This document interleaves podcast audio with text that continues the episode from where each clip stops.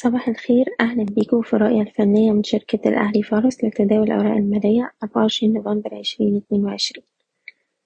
في جلسة امبارح المؤشر بدأ على ارتفاع وصلنا لمستوى اتناشر ألف سبعمية تلاتة وتسعين ومن هنا بدأنا نتراجع وقفلنا عند نهاية الجلسة عند اتناشر ألف وستمية.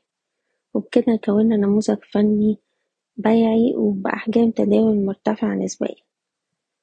الأداء بتاع جلسة امبارح رجع بشكل كبير للضغوط البيعية اللي تعرضنا ليها من سهم البنك التجاري الدولي وبالتالي المؤشر امبارح مقدرش يأكد اختراق مستوى المقاومة اتناشر ألف ستمية وخمسين وده كان أعلى مستوى سجلناه في بداية الأسبوع.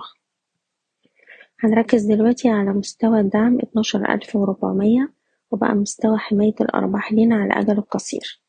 أي وقت يحصل كسر المستوى ده لأسفل معنى كده إن إحنا هنبدأ ندخل في عمليات تصحيح. وبالتالي بننصح برفع مستويات حماية الأرباح للوهات بتاع جلسة امبارح حسب كل سهم على حدة. بشكركم بتمنى لكم التوفيق.